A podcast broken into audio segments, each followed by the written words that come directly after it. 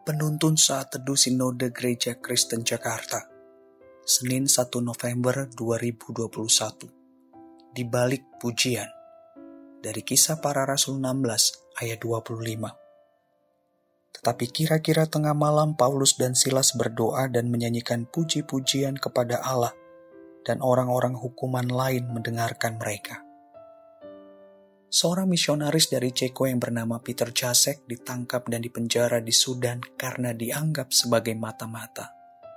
Dia dipenjara selama 14 bulan. Selama di dalam penjara, dia disiksa oleh sesama tahanan satu selnya. Jasek dipukul di kepala, bahu dan jari, juga perut dan punggungnya ditendang dengan sepatu bot.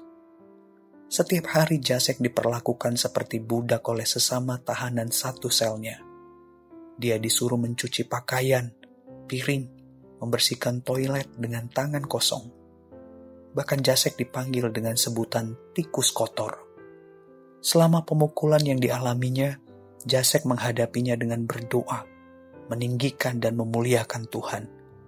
Hal ini membuat sesama tahanan satu selnya semakin marah. Mereka sepakat untuk menyiksa Jasek dengan cara yang jauh lebih buruk. Hati Jasek tetap teguh kepada Kristus.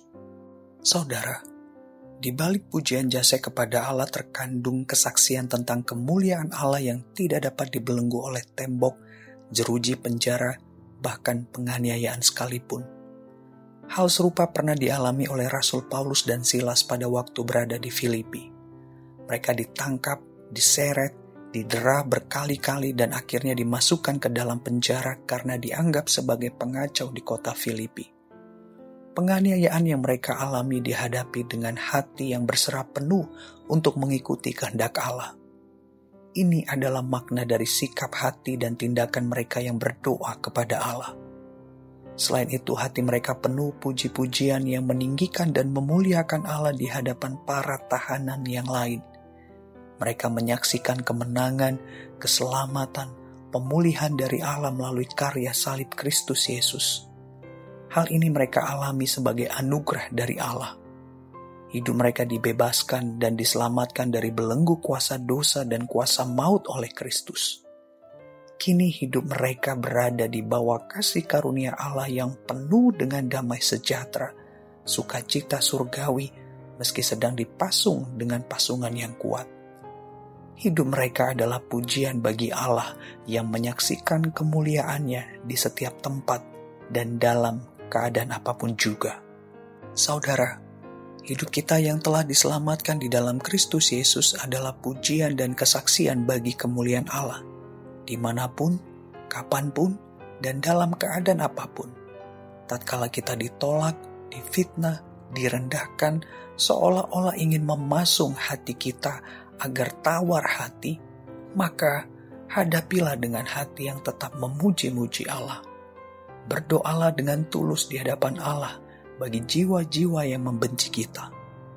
Tatkala pergumulan keluarga, kesulitan ekonomi, pekerjaan, studi terjadi, apalagi di masa pandemi ini yang seolah-olah ingin memenjarakan hati kita agar menyerah, maka hadapilah dengan hati yang tetap memuji-muji Allah melalui keberserahan kita di dalam Kristus, dan lain sebagainya Kehidupan seperti ini adalah pujian bagi Allah dan dapat menjadi kesaksian bagi orang-orang yang belum mengenal Kristus.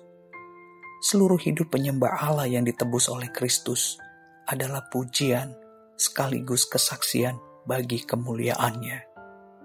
Tuhan Yesus memberkati.